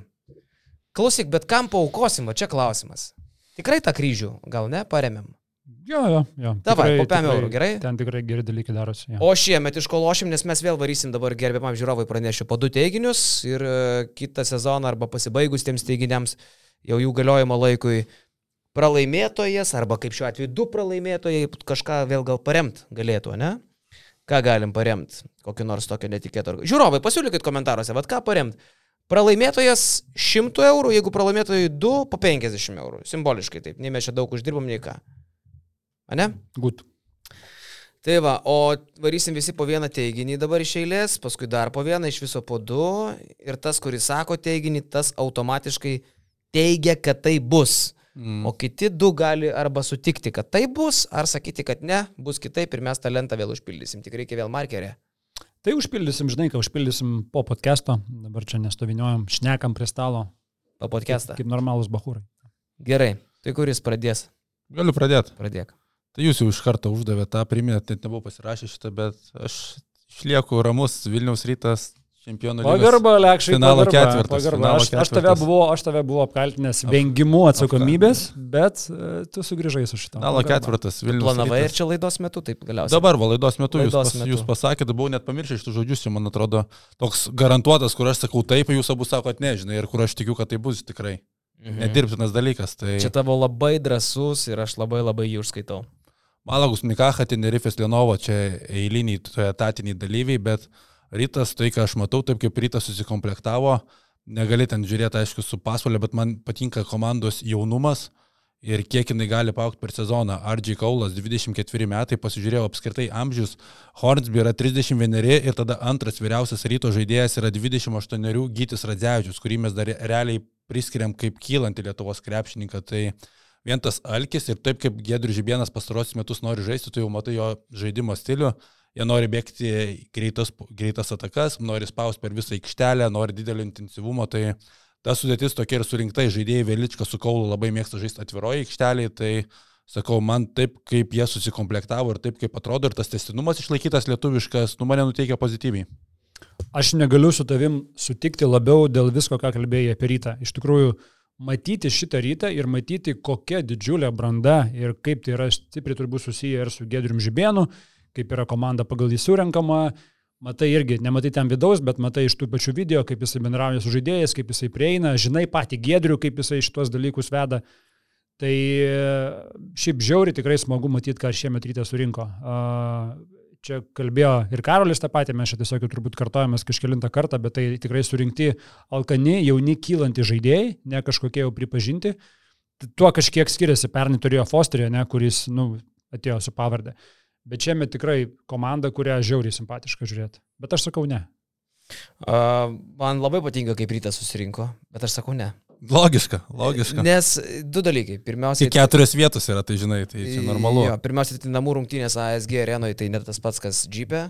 Aš nemanau, kad ten bus taip, taip uh, sunku varžovams ir taip gera rytui, nes, nu, visai kito lygio tada jau tas toks um, spaudimas oponentui. O, o kitas dalykas, tai nu, turnyras labai ilgas. Tu niekada nežinai, kas kaip pasistiprins, kas kur traumuosis, kas kaip, kodėl atsitiks. Ir būti Final Four yra daug mažiau šansų nei nebūti. Bet kuriuo atveju. Tai aš imu tą logiškesnį, realesnį variantą. Nors tikrai būčiau gal net šiek tiek išgeręs dabar, tai aš gal net sakyčiau taip. Bet e, vis dėlto e, protas sako ne ir aš imu ne, nors širdis norėtų, kad taip atsitiktų. Ir, ir net gal ne, širdis net sakytų durnas, tu protai. Nes taip gali būti. Rytas tikrai e, išsaugojo pagrindinius žaidėjus, pasistiprino gerai žaidėjais, kovingais, arkliais, tokiais šunim, kaip Jonas mėgsta sakyti. Kurie labai nori, kurie griūna, kurie turi ką įrodyti, kurie šiaip yra savo kilime, kurie, kaip sakė Žibėnas, man patiko labai jo mintis spaudos konferencijoje, sako, mes ėmėm žmonės, kuriems rytas nebuvo e, jeigu nepaims tas, tas ar anas manęs, tai ateisiu pas jūs variantas. Mes ėmėm žmonės, kurie pirmiausiai čia norėjo būti. Tai čia labai daug pasako. Žybas mėgojas tuo, ką nuveikė Dedas Maskoliūnas. Dedas ir Maskoliūnas. Uh, prieš atvykstant pačiam Žibėnui į rytą, sako, kad komanda gerai paruošta, tą patį beje ir Kazis Maksvitis apie saviškių šneka. Tai čia ne tik štabų reikia dėkoti, čia reikia dėkoti, kas dar vienyje žalgrį ir rytą. Išlaikytos sudėtys, tie patys žaidėjai, stuburas, brandolys. Ir jau dabar aš manau, kad startai bus abiejų komandų geri. Tai ir ryto bus geras. Bet Man- sakau ne. Man dėl ryto vienintelis klaustukas yra, kas nepatinka, tai kad čempionų lyga realiai yra kaip ir sakai, ilgas turnyras, bet ten vien, vieno mačo reikšmė yra žymiai didesnė negu Eurolygos ar Europos turės, tu pralaimėjai vieną kitą mačą, tu atsiduri toje jau sunkioje padėtyje, o rytą sezoną pradės ir be Radzečiaus, ir be Ehodo. Tai tokiam turnyrė tikrai tai yra didelė prabanga, pakeitimo trumpalaikio, kaip suprantu, tas vietas nebus ir be Ehodo, ir be Radzevičiaus bus sunku tikrai pradėti sezoną. Gerai, mano teiginys, jisai bus apie Kauno Žalgirį, aš jums tokį dėsiu ir manau, kad jūs galite net ir sutikti su manimi abu du, tai teks panaikinti šitą teiginį. Bet turiu ir antrą, jeigu reikės. Aš sakau, kad Žalgiris iki e, lapkričio 9, iki lapkričio 2 imtinai, įsiskaito ir lapkričio 2, per šešerias Eurolygos rungtynes savo sąskaitai turės penkias pergalės. Kad pradės 5-1 sezoną Eurolygos. Tokį trumpą, ne? Aš tokį trumpą, kad būtų paaiškėtų. galima greitai kažkam tašką pasimti iš mūsų. Tai bus vat, po mėnesio jau paaiškės. Dabar e, damos primenu, koks yra žalgrio. Kokie ten varžovai, jo. Tvarkaraštis. Ir man atrodo, tai yra vienas geriausių tvarkaraščių žalgrio pastarųjų sezonų. Eurolygos imtyje. Pirmos rungtynės yra su Bolonijos Virtusu e, išvykoj. Nors tai yra ir išvyka, bet Virtuso salėje, kiek man pasakojo, gal ir tu pasakoji, kas ten buvo, kad ten pakankamai netriukšminga, ramu, nėra kažkokios ypatingos atmosferos, o pati, pats virtusas, man atrodo, apgailėtinai. E, visai kaip, dabar fantasy dar kainas. Tragiška sudėtis. Nu, tragiška sudėtis, nu, konteineris kažkoks. Nėra žaidėjų normalaus. Vėl. Tai aš sakau, kad čia yra pergalė. Tada mes važiuojam į Kauną kitą savaitę su Zviesda. E, aš tikiu, kad mes nunešam ir Zviesdą. Kaune prie savo palaikymą, plus mes su Mikaičiu būsim, turėtų kažkaip vis tiek, ne? Čia esminis dalykas. Tada aš sakau, kad Žalgeris patyrė pirmą pralaimėjimą Madride, dar kitą savaitę, dvigubą Eurolygos savaitę Ispanijoje. Iš Ispanijos parsivešim vieną pergalę. Rungtynė su Realu pralaimėsma, rungtynė su Baskonija laimėsma. Važiuos Lekšas beje, dvigubą savaitę. Sveikinu. Tai du pralaimėjimai turbūt. Nes, Laimėsime vieną. Nes, nes, nes, man atrodo, aš tik vieną kartą, kai aš važiavau, laimėjo Žalgeris išvykai. Žalgeris pernai e, buvo nors vieną dvigubą savaitę, kur abi pralaimėtų. Mm, reiktų paieškoti. Nelabai. Tai va. Turėjo būti, turėjo būti. Nu, gal ir buvo. Tai va, aš sakau, kad iš Ispanijos viena pergalė bus ir tada dar du mačai. Ir aš manau, kad abu Kaune su Valencija ir su Asveliu. Aš matau čia 5-1. Gerai, Kalekšas galvoja. Tai Karolis labai gerai viską išdėsto, jeigu tu taip dėliotum turbūt komandas ir tikimybės, tai 50 prieš 50 toksai, bet, nu, Eurolygoje Visą laiką būna staigmenų ir šešios rungtynės išlaikyti testinumą iš per tas šešius mačius laimėti penkis kartus yra labai sudėtinga. Aš sakau, kad taip nebus. Tai sakyk, nu. Sakau. Sakau, ne. Ir šiemet, žinok, aš vat, Aš irgi sakau, kad ne, aš irgi sakau. Siminėsiu fanatizmų šiemet. Ir ryto, ir žalgerio, ir vuls, ir net lietkabilio atžvilgiu. Tai kodėl nesakai, kad jau rytų nebeužsiminėjai? Ryto finalo ketvirtas, gerai, dedam ant svarstyklių, kas daugiau šansų, kad rytas Final Four ar Žalgeris 5-1. Nu, Žalgeris 5-1, daug daugiau šansų. Nedaug daugiau, bet daugiau. Trupučiuką daugiau, jo, aš labiau rekšo pusė, trupučiuką daugiau. Tai jūs abu sakot ne. Ne. Aš sakau taip. Paskui Gerai. Dar, o paskui bus, bus įdomiau dvi išvykos Anadolų, Panata. Kaip Valencija gera bus šiemet. Nu gerai, turėsiu aš dar paskui. Aš galvau, kad jūs sakysite abu taip iš šitą, todėl buvo apie žalgerį du pasiruošęs. Tai galim ir daugiau tų, jeigu teiginių turėsim gerų, tai galėsime juos pasakyti garsiai. Mano, mano tai buvo dar vienas teiginys, kad žalgeris LKL nepralaimės reguliarkiai daugiau nei du kartus. Tai dar patupy, gal dar kažkas sutaps. Nu, tavo. Mano yra, nes aš galvoju, kad šitas gali sutapti, kai tu užvedai kalbą, aš, bet man regis, čia mūsų bus skirtingi pasirinkimai, nes mano visgi spėjimas yra labai negatyvus, aš galvoju, kad rinktinė antrą kartą pailiui nepateks į olimpinės žaidynės. O, blem. Aš jau apie tai ir dabar norėčiau tavo argumentų, nes pirmas krepšelis yra e, Ispanija, Liet... Slovenija, Lietuva, Lietuva Latvija. Latvija. Ja. Tai mes Šitų nei varžovų... slovenų, nei ispanų, nei latvių nebegausim. Ja. Žiūrėk, netyčia susiformavo iš pirštų. Antras krepšelis yra. Antras krepšelis yra Brazilija, Italija, Graikija, Lenkija. Tai jeigu gaunam Lenką iš antro krepšelio, tai fantastika. Su Balčiarovskiu prieš akį. Toliau, trečias yra Puerto Rikas, Juotkalnyje, Dominika. Kur Dominika visko gali būti? Suomija. Dominika ir Dominikos Respublika dvi skirtingos Dominikos teritorijos. Respublika. E, nu tai čia būtų gerai gauti kokį Puerto Riką. Mm, jo. Mhm. Ketvirtas yra juokingiausias krepšelis - Naujoji Zelandija, Gruzija, Iranas, Libanas. Tai čia svarbu negauti kartvelų ir viskas ramu. Uh, penktas krepšelis yra Kroatija, Dramblio kaulo krantas, Angola, Filipinai. Nu, Kroatų svarbu negauti iš penkto krepšelio, jeigu grauni kroatą, tai jau negerai. Nu jo, ir Ir šeštas yra Egiptas, Bahamai, Kamerūnas, Bahreinas. Nu, nedaug dėmesio, Bahamai visą kitką normalu. Tai tu, bet, okei, okay, bet čia burtai yra. Jeigu mums burtai. Čia dar yra burtai, jo, palankūs- žinai, būtų kur kas uh, paprašiau atsakinėti šitą nesulaukus burtų, bet aš taip iš karto, va, dėškiu savo negatyvą ant stalo ir aš sakau, kad nepateks. Gerai, aš tai sakau, kad pateksim, nes pakaks viso šito jau. Uh, antra olimpiada iš eilės praleista. Uh, tada jau iš tikrųjų reikėtų atsiprašyti futbolo federacijos uh, prie Stankievičiaus namų nuvažiavus. Su šakočiu. Tarp kitko, apie futbolą galėsim dar pakalbėti minimaliai, jeigu turėsim laiko. Okay. Aš sakau irgi, kad Lietuva pateks. Aš galvoju, kad Lietuva iš šitų visų išvardintų komandų yra antra po Graikijos. Jeigu mes Graikijos negausim, tai mes būsim olimpinėse žaidynėse. Pateks ir aš sakau. Tai tai kad ir tas pats graikas, nu tai ten yra, okei, okay, antitakumpos Lukas ir Kalatis, jeigu pasijungia, ne? O greičiausiai pasijungia, nes įtūdžio nebėra, suprask, ne? Bet uh, aš nematau priežasčių, kodėl mes ir pilnos sudėties graikų surinkę savo padorę sudėtį negalim paimti. Ne, tai nėra, žinai, kad tu negali paimti. Faktas, tai tu gali paimti. Jo. Iš vienų rungtynių tu gali, Gali viską paimti. padaryti. Jeigu būtų- ir paimti ir pralaimėti. Bet jeigu serijoje, ta prasme, žaisti, aš tikrai dėčiau, kad Graikija stipresnė komanda. Nu jo, gerai. Tai mes sakom, kad e, pateks. Taip. Jonas sako, kad nepateks. Tarp kitko, e, girdėjot, vat, tu tai tikrai girdėjai, nes klausėjai tą patį Vydo Gedvilo interviu pas Mužį. Tai ir, ir Lekšas tą Ir patį. Lekšas klausau, girdėjo, gal ne visi žiūrovai žino. Lietuvos e, krepšininkai po pasaulio čempionato išsikovojo visi savo stipendijas. Ketverius metus uh, gaus po 1107 eurus. Aš net Kupčinskui paskambinau prieš podcastą pasikalbėti, nes jisai buvo vienas iš iniciatorių Seime, ten buvo pakeistas įstatymas ir loterijos, e, įmonės, kurios užsiminėjo loterijom, joms buvo pakelti mokesčiai nuo 13 iki 18 procentų ir ta papildoma mokesčių surinkta suma atitenka stipendijoms. Tai pavyzdžiui, e, jeigu būtų tapę olimpi... e, pasaulio čempionais lietuviai, man atrodo, apie 2800 ta stipendija būtų kiekviena mėnesį ketverius metus. Tai dabar įsivaizduokit. E, ne, tai ten jau renta iki gyvenimo galo, jeigu olimpiniais čempionais, čia jau nusišneku. Jeigu olimpiniais, jeigu pasaulio gal kitaip. Bet e, dabar įsivaizduokit, kiek Lietuvos rinktiniai yra žaidėjų, kuriem dvi kavalkos, 200 per mėnesį tikrai daug reiškia. Tai yra 100 gabalų per tą vat, laikotarpį keturių metų. Tai dabar per mėnesį gal 2100. Dvi štukas 107 eurus gauna. Tai čia yra, blemba, čia yra mano atlyginimas realiai. Basket News. Štai taip.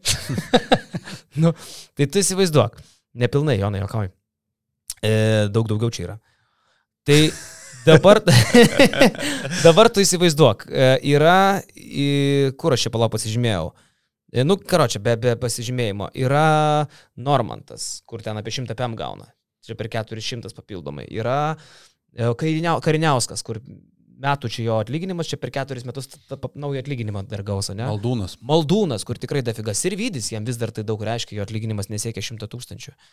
E, ką ten dar įmam tame sąraše? Bendžius, nu tai irgi ne, ne milijonierius. Kūzė jau nueinantis ten sakė žalgerį už dupiam žaisto, ne? E, nu va, tai čia jau yra sąrašas žmonių, kurie realiai, nors ir, sakykime, negauna ten kažkokiu tai atlyginimu rinktiniai, bet va, su šita stipendija kažką va išsikovojo. Tai čia bet kam, ta prasme, žinai, okei, okay, tu Tau gali gal sakyt, čia toksai, žinai, Gali sakyti, kas čia, kas čia ne du per mėnesį, bet kai tu paimi, kad yra ketveri metai, šimtas tūkstančių, nu čia bet kam. Kad ir kiek daug tu uždirbtumai, šimtas tūkstančių yra gera Nu, valančiūnas, matai, jisai per dieną uždirba 45 tūkstančius. Kažkas skaičiavo. Gal jam gali, gali būti. kažkaip, kažkur, jeigu taip užmačiau teisingai. Okay. Tai čia yra nemažai, kaip aš skaičiuoju, žinai. Tai va, tai nežinau, kaip nuėjom prie to, ai, kad nuo olimpiados. Tai va dabar irgi aš galvoju, kad aš nemanau, ar kad krepšininkam čia yra didžiulė super paskata, nu, tiem jau turtingiausiam krepšininkam, ne? NBA žaidėjim, Eurolygos grandam, Ūliai pavyzdžiui, ne? Mes lauksim Ūlės olimpiniai rinktinė arba olimpinėje atrankoje, bet Ūlė uždirba per sezoną apie kokius 600 tūkstančių turbūt, ne? Kažkas tokio. Gal daugiau? Gal daugiau, net 700 tūkstančių. Nu, labai daug pinigų. Tai jam aišku, kad e, ten papildomi 20 tūkstančių kišenės nedrasko per, per metus, bet tiem tai kaip ir dzin, nes dar juos reikia ir įsikovoti. Žinai, didžioji intriga, kas atvažiuos į tą olimpinę atranką. Ar pavyks Lietuvai surinkti tą komandą jau geresnė negu šiemet buvo, okei, okay, šiemet gražus žaidimas, bet vis tiek tau, kai tu galė dienos ateini prie tų kertinių rungtinių, tai nu talentai vis tiek laimi tos, tos didžiosios, didžiasias pergalės. Taip. Ir ta atrankas lydėra, atsiminkim 20, nu, 21 atranka, kadangi nukelta buvo tokie italai, nukalė serbus, ne, ir paliko be olimpiados, kur atrodė be prošvaišių italam praeitą atranką ir praėjo ramiai Serbijai. Mhm. Tai va, tai mūsų teiginiai kol kas, tavo rytas uh, Final Four, tavo taip, mes sakom ne, mano teiginys, kad uh, e, Žalgeris laimės 5 iš 6 pirmo Eurolygos rungtynių, abu jūs sakot ne, ir Jono teiginys, Lietuva nepateks į olimpiadą, mes abu su Lekšu sakom taip, kol kas labai cool viskas yra. Jo, mano antras teiginys. E... Galvoju, kad reikia paliesti ir kitą, kitą Atlanto pusę, nes turbūt nelabai kas dar palies. Tai sakau, kad Matas Buzelis pirmas šaukimas NBA. E, Tokios yra prognozijas, man atrodo, ESPN ja, dar yra antras, antras. Antras yra. Aš galvoju, kad e, iš to viso drafto, kaip yra kalbama, Buzelis yra labiausiai intriguojantis talentas pagal savo dydį, pagal savo ateities viziją, nes laikai yra dažniausiai projektuojama taip, kaip žaidėjas atrodo ne šiandien, o kaip jis gali atrodyti po kelių metų ir buzelio tas potencialas labiausiai visus intriguoja. Aš nuo labai senai jau esu to buzelio stebėtojas ir buzelio talento gerbėjas, tai einu su juo iki galo. Uh, tu man gali dar pasakyti prieš man atsakant į tą teiginį, nes aš neturiu jokios nuomonės, uh, kame yra buzelio gerumas realiai. Nu, aš mačiau jo highlightus, esu žiūrėjęs ten vaizdų, iškarpų, kiek YouTube'as ten turi, manau, kad pusę tai tikrai mačiau, gal daugiau. Bet aš niekaip nesuprantu, kaip, vis, kaip mes galim įvertinti šito bičio lygį. Jis ilgos rankos, tai tarsi neblogai varosi kamuolį, bet ten nėra kažkoks kosmosas, taip žiūrint. Tai čia įves mane į kontekstą. Kur jisai toks zaibys yra? Pagrindinis yra tas, visada atkreipia dėmesį, kai yra žaidėjas 2,10 m, dar labai plonas, dar tas kūnas nesutvirtintas, gerai varosi kamuolį, gerai veržiasi, gerai mato aikštę ir turi metimą, kuris potencialiai gali tapti stabiliu ateityje. Tai visas šitas potencialas, sakau, tie žaidėjai, kurie turi 205 ir varosi kamolį ir turi metimą, jie visada traukia dėmesį. Bet tai man vis dar, ne, nu, absoliučiai, kad čia kažkoks mega projektas. Ar tikrai? Tai? Tai 211 gynėjas. Jau kaip skamba. Bet jeigu jis sustambės prie auks raumenų, dabar jis toks liaunas visas kūnas. Tai jis projektuojamas, kad jisai taip nesustambėtų, nepriauktų, kaip Jonas Valančiūnas nuvažiavęs ir jį darė to tikrų centrų. Jam projekcija yra, kad jisai žais perimetrė. O jis jau 211 yra toks ūgis skelbiamas jo. Tai jis dar gali aukti, jam tik 18, ne? Gali. Tai jeigu 215 gynėjas, kas tada? Tokio turbūt nelabai buvę. Va, dabar žiūriu ūgį tikrą. 211, jo. Nublemba geras, tai intriguoja, gerai, sakau taip. Aš noriu, kad tai būtų. Aš čia tokia labiau gal toks noras, kad tai būtų, negu kaž, kažko pagrystas. G lygoje pasimatys, metai, metai G lygoje tarp vyrų. Aš tiesą pasakius, noriu, kad jis nebūtų pirmas šaukimas. Nes pirmas šaukimas tai yra labai didžiulis iš karto spaudimas ir atsakomybė. Kur kas paprasčiau tau yra ateiti į lygą kaip ketvirtam, penktam, kad ir antram ypatingai, kad ir antram, ne? Tikrai yra daugybė, net turbūt jeigu imtum į procentus, yra kur kas daugiau feilinusių pirmų šaukimų negu antrų šaukimų. Tai aš linkėčiau jam nebūti pirmų šaukimų ir aš sakau, ne, nebus pirmas šaukimas. Ir blemba, tu šiandien, man atrodo, gerų pasirankėjai čia. Mano sakei ne su žalgiriu, čia manau, kad tavo gali būti visai geras. Sakei ne rytui geras.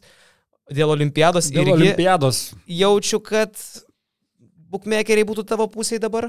Iki burtų, žinai, iki burtų. Iki burtų ir dabar burtai dar gali, šitą įmė. Burtai, burtai kur tikrai daugiau gautis... šansų, kad nebus pirmas, nei kad bus, manau. Nu, nes tada dabar rodo ESPN visokie, ne? Jis dabar, antras, jis dabar antras, tai irgi toksai. E, pirmie NBA šaukimai pastarųjų metų, pasižiūrim, kas, kas ką padarydavo. Vikt, vikt, Viktoriukas dabar buvo, tai viskas aišku. Paolo Bankero praeito metų pirmas šaukimas. Ne. Solidu. Rookie of the Year. Cunningamas 21 pirmas šaukimas. Ne. Anthony Edwardas 21 šaukimas. Zion Williamson 19 pirmas šaukimas. O čia, o, čia, o čia antras yra Džamorantas, net tais pačiais metais. Ja. Kur abu du vaikščiojo ant peilio ašmenų. Vienas ten barškina porno aktorės, kitas šautuvus dėlioja. Šitie būtų gali gautis labai geri failai, jeigu nesutvarkys galvos. Buvo tokių valyvų, Markelis Filcas. Jam ten traumos. O, čia tai visiška misterija. Deandre Eitonas. Eitonas labai blogai. Čia Eitonas blogai, nes Dončičius. Čia va tokie, žiūrėk, bet pirmie šaukimai. What the fuck, žiūrėk. Benetas, Viginsas, Williamsonas, Edwardsas, Cunningamas, Bankera. Ne. Gregas Odenas, Barnyje, ne. Bogutas, Jau Mingas kažkas. Aš sakau, jeigu... Ne, bet, žinai, okei, okay, Jau Mingas turėjo gerą Ne, aš karjerą. juokauju, seniai, aišku. Bet jeigu tikrai, jeigu imtum procentą, nu, tas pirmas šaukimas, jis, Nieko nereiškia. Jisai užkrauna belę kokią atsakomybę. Ir žinai, ir kiek dabar yra daug diskutuojama apie Lebrono Jameso karjerą ir kaip jisai atsinešė ant savo pečių didžiulį spaudimą nuo pat jau ten, aš nežinau, 15 metų, ne? Ir jisai fucking atlaikė viską.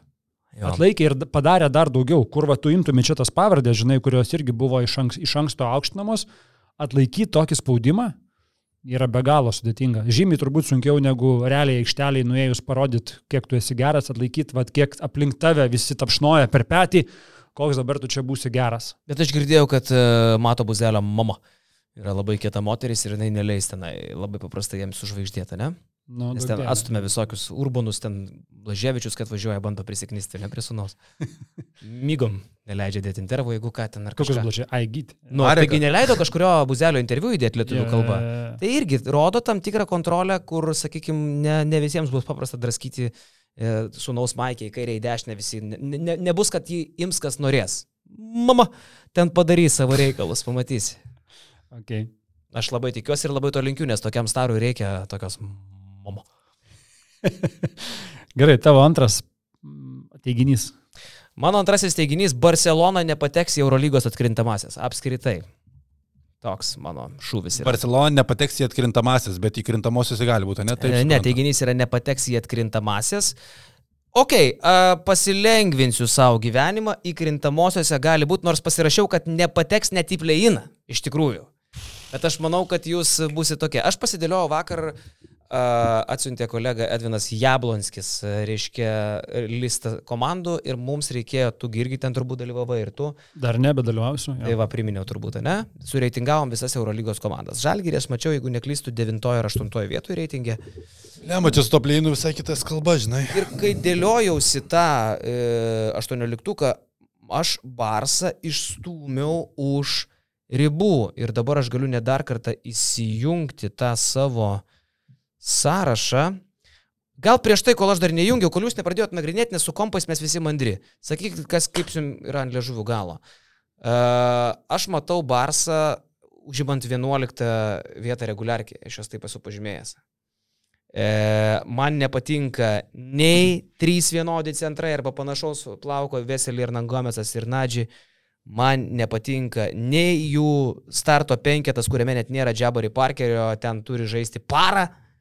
Džalis parą ten pradeda rungtynę starto penketą. Dabar Barsos penketas yra Satoranski, Laprovitola, Kaliničius, parą ir Veselį. Toks yra jų penketukas šiuo metu per visų žaistas tas rungtynės iki sezoninės. E, tai reiškia, kad Parkerio forma lieva. Surprise, surprise. Nejaugi. Metus nežaidęs žmogus yra prastos formos. Wow, kas galėjo pamanyti. Ir visos tos jų nesąmonės, prasamdant Grimaunų, į Manšarą, atsisakant, bet mokant pinigus Higginsui, Mirotičiui, ištaškant pinigus, verkiant, kad nėra babkių, bet darant nesąmonės. E, aš manau, kad žuvis buvo nuo galvos ir šita žuvis negali šį sezoną plaukti. Aš manau, kad jie pasmerkti smirdėti ir aš sakau, kad Barsa neišeis į Eurolygos atkrintamasis. Bet pasilieku savo saugiklį, sakau, kad pleinė jie gali būti. Bet galiausiai pleiną praloš. Aš galvoju, žinai, nebus taip, kad jeigu kažkas neina Barsai, kad tie 34 rungtynės kenčia Rodžerį Grimau. Tikrai taip nebus. O sudėtis vis tiek medžiaga yra tokia, su kuria gali dirbti. Ok, ten gali sakyti vienodi centrai, kažkur kažko trūksta, bet nu vis tiek tai yra tokia medžiaga, tokie žaidėjai, su kuriais geras treneris sugebėtų dirbti ir patekti tarp aštuonių stipriausių. Tai aš sakau, kad pateks. Bet net ir ta medžiaga man netrodo labai gera. Nu, gerai, įžaidėjai. Satoranskis. Ar Satoranskis yra laiminčios komandos įžaidėjas? Man, Nu- te, man aš kažkaip nežinau, ar tikrai. Man sato, sato jo. Satoranskis laiminčios komandos, ne? elitinis. Nu, gerai. Šiaip sudėtis- Okay, nedaug truko praeitą sezoną Eurolygoje. Negali sneik, žaidė finalo ketvirtį, pralošė pusfinalį, viskas tvarkoja. Sudėtis tikrai gera, tu kaip pasižiūri, Laprovitolas, Sotaranskis, kad Kaliničius liko, man atrodo, didelis laimėjimas, kad e, Džabari Parkeris e, bus nesusipratimas, man atrodo, daugeliu buvo aišku iš pat pradžių. Tai vien dėl ketvirtos pozicijos jie rūkys, o pentoji grūstis panašių žaidėjų. Veselis žais ketvirtų, kaip žaidė ir prieš Aro nemažai. Ir čia, manau, tą bus galima užkamšyti, bet aišku, kai Mirotičius išvyksta, to pakeitimo normalaus netvyksta. Žiūrėjau super kopą, kaip jie atrodė pusinalė, tai atrodė didžiulė betvarkė, daug nesusipratimų, bet aišku, pradžia naujas treneris, tik tais minutės per trukėlės labai strigo, kuomet prasideda minutės per trukėlę, pusę minutės grimau pratylį, tada kažką pasako, vienas kito žaidėjai dar paklausė, ką čia reiks iš tikrųjų daryti, tai tų nesusipratimų tokių per vienas rungtynės pamačiau nemažai. Tavo tas apsidraudimas, e, kad jie gali būti e, play-inę, tai kažkiek, kažkiek keičia dalykus, bet Nu, bet... Aš juos pasižymėjau 11, bet, nu, aišku, kad jie gali būti pleinė, nu, fucking Barcelona čia yra, žinai. Ne, nu, palauk, tai jeigu, tarkim, nu, tai būni pleinė, kad ir septintas, ne, bet, nu, Turi nepatenk, du šansus. Nepatenki pliovus. Ne, bet jeigu būni septintas, tai bent kažkokį namų minimalų pranašumą turėsi, nes per pradžią žaisi ne, namuose. Du šansus turi. Bet tavo spėjimas toksai, kad jie gali būti septinti, bet nepateks į playoff. Šiaip tai mano spėjimas, kad jie nepateks į pleinus, jeigu atvirai. Bet, Čia, okay, bet, bet, bet šitą teiginį aš dedu, kad jie bus... Uh, kad, kad jie nepateks į atkrintamasias apskritai. Jų ketvirtfinaliai nebus. Okay. Gerai, tai aš sakau, kad jų nebus. Jų nebus. E, šešios komandos tikrai aš matau ant popieriaus, netgi kurios yra stipresnės, o play-inas, play-inė, aišku, ten vienas rungtynės su limitu patenki, jeigu tu septintas arba aštuntas būni. E, bet, bet, jeigu tu septintas, tai tu abiejose play-ino rungtynėse, jeigu tau reikėtų abiejų, ja. turėtum namų pranašumą, jeigu tu aštuntas, tu bent vienose turėtum namų pranašumą. Jo, Jeigu tu tai... devintas, dešimtas, tu net neturi namų pranašumo, tai aš spėju, kad jie geriausiu atveju bus devinti, dešimti, jie neturės to namų pranašumo ir jiem bus krepšinio terminais bėda didelė labai. Nesitikėjai. Gerai, aš, aš sutinku, jų nebus. Geras, šiaip labai drąsu. Aš ne, negalvau, kad tokį drąsų pasirinkimą du žmonės pasakys taip. Tu sakai ne? Aš sakau ne. Jonas laimės visus taškus. Ne, šitą nelaimės, šitą nelaimės. Aš nelaimėsiu ir kito, nes aš irgi renkuosi tokį, kur nelabai tikiu, bet tiesiog sakau tam, kad, e, nu, vat, pažiūrėt, kaip bus. Aš sakau, kad uh, Šarūnas Jasikevičius sezono eigoje ras darbą. Ne. Ne, ne. aš, suprantu, aš suprantu. Easy, seniai, easy taškas, Šaras sėdės ramiai su meškeriais, kad... su bolu, žais golfą, geras Jack Daniels, alkoholinį ir nematys tame jokių problemų. Seniai, jisai nedirbs dar 10 metų. Nes taip gera. Matai, ne, ne, aš, nu, aš sakau, aš pats, jisai dirbs. Aš pats, lab, aš pats labiau to netikiu, bet vat, galvoju, pasakysiu tokį ir žiūrėsim, kas bus. Tam, kad tiesiog būtų įdomiau žiūrėti sezoną, galvojant, atsilaisvinant kažkurioje vietoje, gal šaras čia, gal šaras. Čia. Nu, gerai, įsivaizduokim, kas neteks darbo, ne kas galėtų netekti. Odet Kataš visą laiką man yra numeris vienas. Ta pati Barsa. Eik, tu. Šaras iš principo ne, negrįžtų. Šaras ne, iš principo. Kokie principai? Yra, yra pinigai arba nėra pinigų. Kokie principai? Seniai Navaras skambina, hei, Šaras. Principas čia buvo pinigai. Ta prasme, šitos abi dvi pusės nesutarė dėl pinigų. Kokie yra principai? Cerveza. Kai yra pinigai, ne, nebėra principų. ne, ne, Šaras į Barsą negrįž. Negrįž Šaras, nei Barsą. Žiūrėk, galėtų taip. Galėtų eiti Panatinaikos. Galbūt, jeigu nuimtų Atamaną, bet jisai Genakopolusui e, pats suorganizuotų žmogžudystę. Nereikėtų, net virkštinis variantas. Būtų. Atamanas, Janakopolai ir kam? Ne, ne, ne, Šaras negalėtų eiti į Panatą vien A. dėl Genakopolos, aš jau tą atmetu. Nors realu, kad Genakopolas Atamaną galėtų išmesti, jeigu kažkas nevyktų, ne?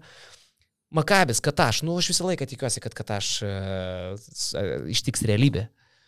Ir, bet Makabis gerai atrodo. Man labai patinka, kaip Webas žaidžia, pakeitė tą praeitą sezoną. Uh, Martiną. Poitresą pakeitė šitas iš Valencijos, Javieras. Rivero. Rivero. Man patinka Makabis labai ir jaučiu, kad jie toliais. Aš jiems ten gal net penktą vietą piešiu. E, nuo toliau kas? Į Olį Šaras niekada gyvenime neįs, į Madridą niekada gyvenime neįs. Feneris į... gali atleisti tūdį. Feneris gali atleisti tūdį, bet ir tai e, vėl paskalati. pa savo meilę. Nu, nelabai. Žodžiu, ne, nematau Eurolygoje vietos, LKL nematau, Europos taurę nesileis, NBA neta. Jonai, ačiū už tašką. Tai aš dar pasilieku variantą, ne, ne, nesakysiu apie šitą variantą. Tiesiog aš, aš, aš va tokį kažkokį. Turi variantą, kad žalgerį ateis? Ne, ne žalgerį. Jeigu žalgeris neteks kazę, mes jau su Jonu vienareikšmiai sakėm, Tautvidas Sabonis yra ateities žalgerio treneris. Ta prasme, tai yra kyborgas, ne žmogus treniruotėse. Aš aš buvau apakęs, kaip jisai užtikrintai, kaip jisai charizmatiškai šneka. Jisai prieš kameras atrodo ne, nepratarė ne žodžio normaliai taip. Nu, normaliai jisai ir nepratarė gal ne žodžio, bet jisai realiai tiesiog atrodo, kad komunikuoti nelabai viešai drąsiai moka, bet komandoje jis taip užsivedęs, taip užsimotivavęs, taip gražiai dėlioja mintis. Tu jo patiki. Per, patiki. Per sekundės dalį patiki tuo, ką jisai pasakė. Už ekrano tiesiog jis mane užkaučino. Mm. Visiškai. Come on, gentlemen, let's go. Žinai, tas toks gentleman. Turim, turim šešis teiginius.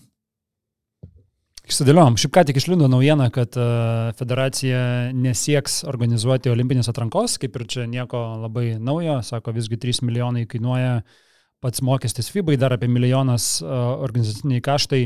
Paskaičiavo Vydas, kad uh, buvo devyni tokie turnyrai ir tik tai vieną kartą jį laimėjo šeimininkai.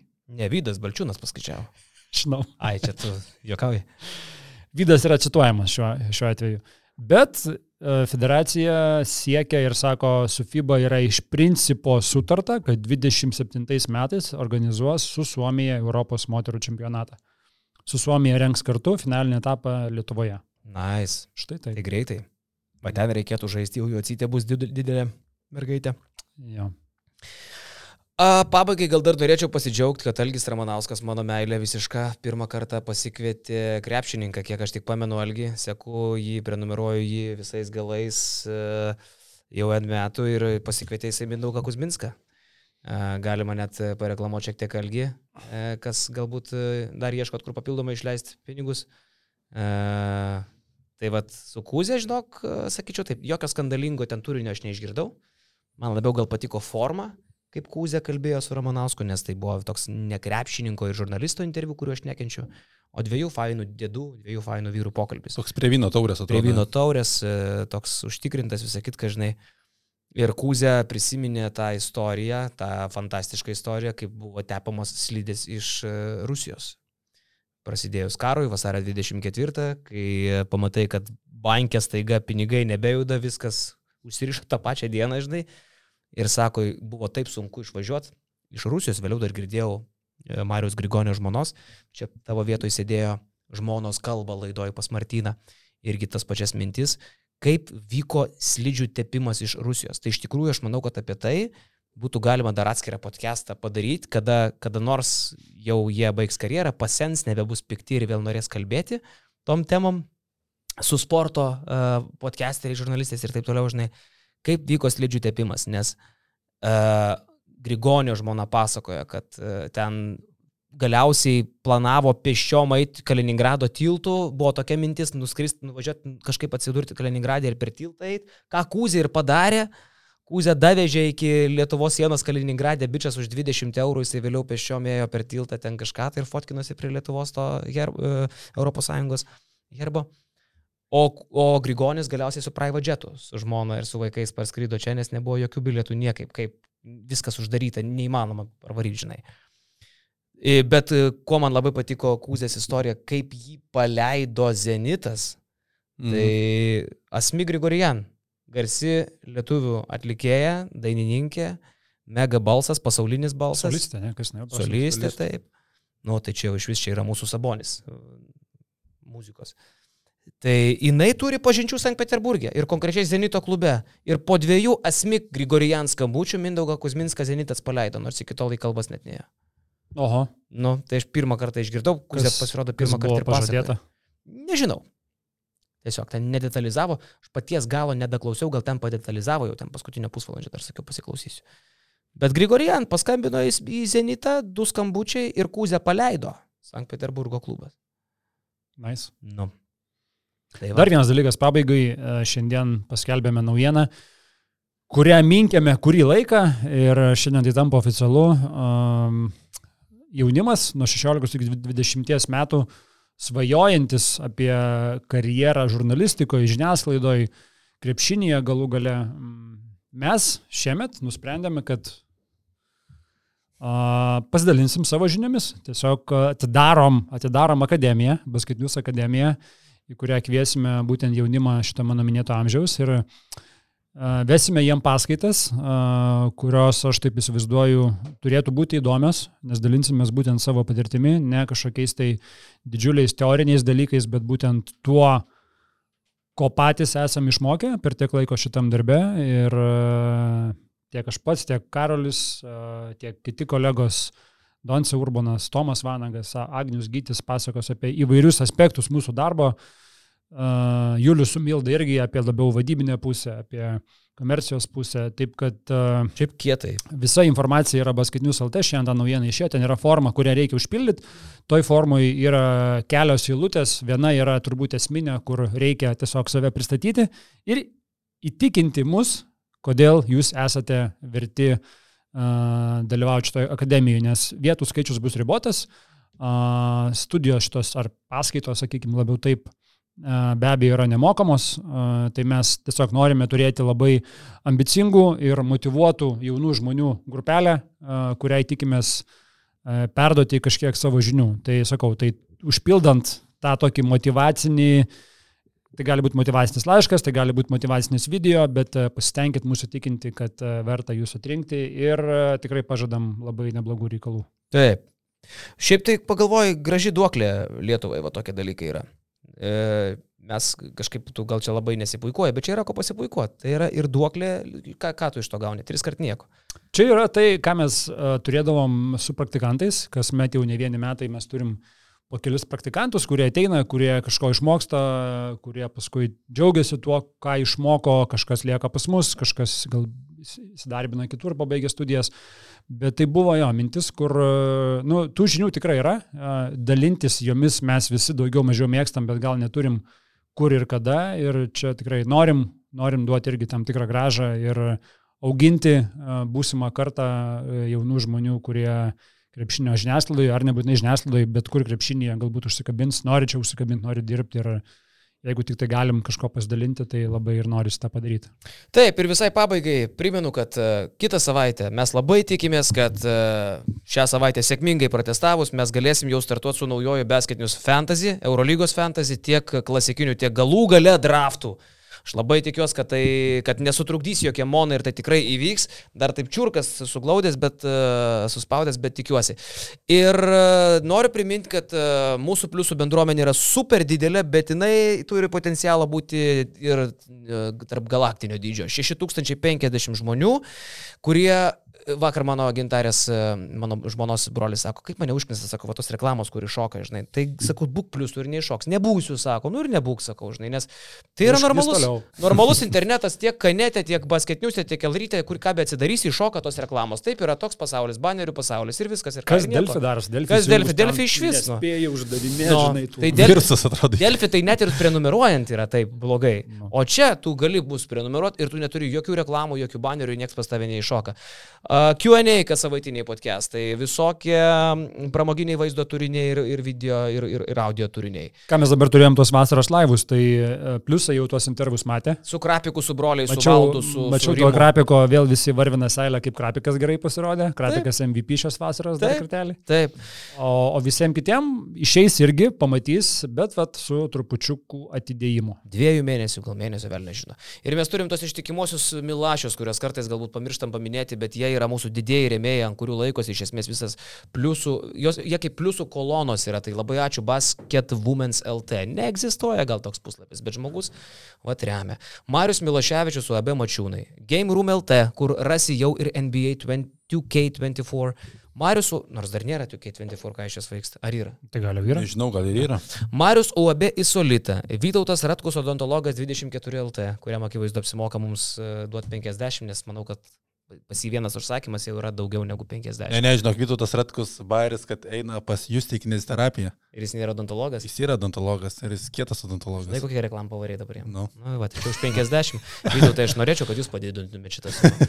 ABX, Rolkis Rolės Transport AS, taip pat Mad Market stalo žaidimas kažkoks yra, vad pasidomėkit. Evaldas UAB Ameritus ir tiesiog jokios reklamos nereikalaujantis tyras kaip krištolo gabaliukas arba kaip vandens lašas. Justinas Bakas. Jis tiesiog Justinas Bakas. Justinas Bakas, Kame Bairis, tai yra irgi žmogus, su kuriuo susipažinau praeitą savaitę. Uh, įsivedinėjau, dabar reikia pasididinti būte elektros galę, ateina elektrikų konsiliumas, trys žmonės, trys vyrukai, du, du vyresni. Čia Justinas Bakas. Vienas jaunesnis ir žiūriu, kad vienas jau ten pažįsta viską, va ir paskui sako, mes čia su Miklu, viskas gerai, išsiaiškinsim, taip toliau, nainam. Na, šnekamės, sako, aš taip, sako, aš buvau Milašius. Aš tik tai taip, žinai, žandikaulius iki grindų, nes jau Milašim būt pas mus, nu jau yra pagarba. Pėdisas, nu, jau tu ir, ir babkių kažką turi turbūt. Jau čia yra reikalų. Nu, sako, buvau čia, vasarą truputį atostogų paėmiau, bet grįšiu. Ir vad grįžo, tikrai Justinas Bakas, žmogus. Uh, sakau, padedantis man dabar elektros klausimais, tai realiai aš turėčiau jam tapydys. Aš jam turbūt ir mokėsiu tapydys, net gal ir daugiau. tu manimi, tu, tu jam atiduosi normaliai. ne, ne, ne, nesidžiaug radęs.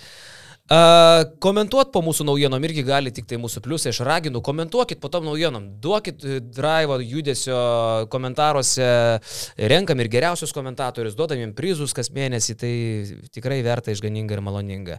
Ką dar? Uh, speciali Facebook'o grupė, kur pliusai yra ir dažnai gaunu užklausas, nerašykit jūs man dėl tų užklausų, aš gaunu kiekvieną dieną, gal gali priimti kaip tapti kaip ką. Surandat Facebook'e mūsų grupę. Visa informacija ateina elektroniniu paštu prisijungus prie mūsų pliuso grupės. Visi Nu, nu, okei. okay. absoliučiai žmonės gauna nuorodą į tą pliuso grupę. Tai va, tai... Ja, ją bando patekti ir, žinai, visokie prabėgūnai, praėjūnai, bet e, Milda ten yra įvedus griežtą cenzą, nieko ten negali. Taip, ir Milda čekina labai dažnai tą grupę, tai jūs, te, e, užklausas, kas atsiuntė, tai jūs tiesiog duokit užklausą Milda per dieną, dvi, gal kitą kartą ir greičiau jūs patvirtins, jeigu esat mūsų pliusio, ten jau prasideda įdomiausi mūsų pokalbiai, visokie anonsai ir pasilasdavojimai.